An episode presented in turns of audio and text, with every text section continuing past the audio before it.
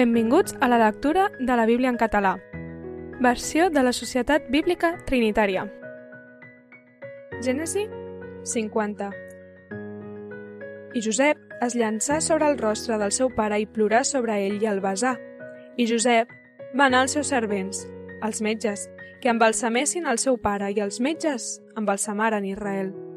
I compliren 40 dies per ell perquè aquest és el temps que cal complir per embalsamar i els egipcis ploraren setanta dies. I passats els dies de dol per ell, Josep parlà a la casa del faraó. Si he trobat favor als vostres ulls, us prego que parleu a les orelles del faraó dient El meu pare em va fer jurar dient Heus aquí jo moro. En la meva tomba que vaig cavar per al matí a la terra de Canaan, allà em sepultaràs. Ara doncs, et prego que em deixis pujar i sepultaré el meu pare i tornaré. I el faraó digué, puja, i sepulta el teu pare, com ell et va fer jurar. I Josep pujà a sepultar el seu pare, i amb ell pujaran tots els servents del faraó, els ancians de la seva casa i els ancians de la terra d'Egipte, i tota la casa de Josep, que els seus germans i la casa del seu pare. Només deixaran a la casa de Goshen llurs petits i llur bestiar menut i gros. També pujaren amb ells carros i genets i fou un seguici molt nombrós. I arribaren a Goden Atat, enllà del Jordà. I feren una gran i molt sentida lamentació, i Josep feu set dies de dol pel seu pare.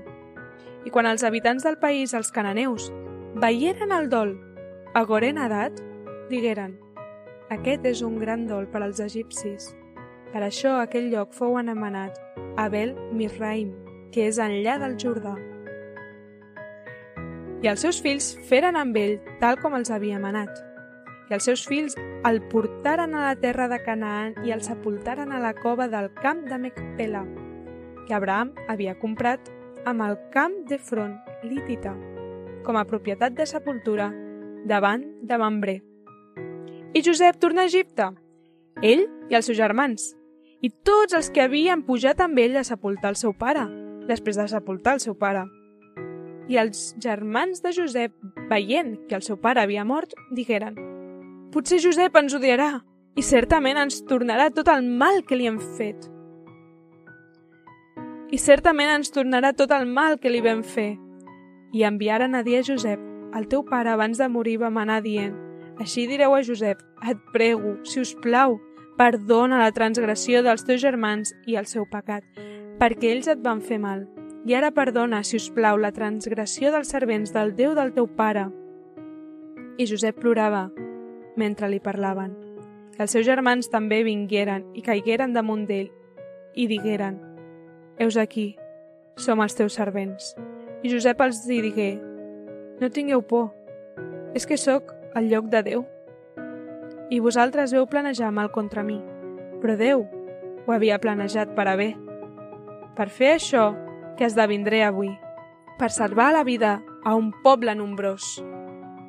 I ara, doncs, no tingueu por, jo us manaré a vosaltres i als vostres petits, i els confortar, i els parlar al cor.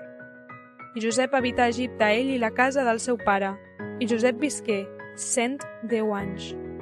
I Josep veié la tercera generació dels fills d'Efraïm, també els fills de Maquir, fill de Manassés, nasqueren sobre els genolls de Josep.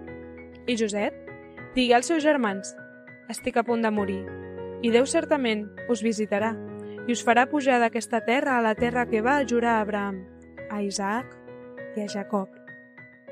I Josep feu jurar als fills d'Israel dient, Déu certament us visitarà, i vosaltres us emportareu d'aquí els meus ossos.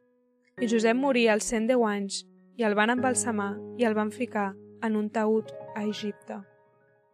Gràcies per escoltar amb nosaltres la lectura de la Bíblia. Això ha estat Gènesi 50.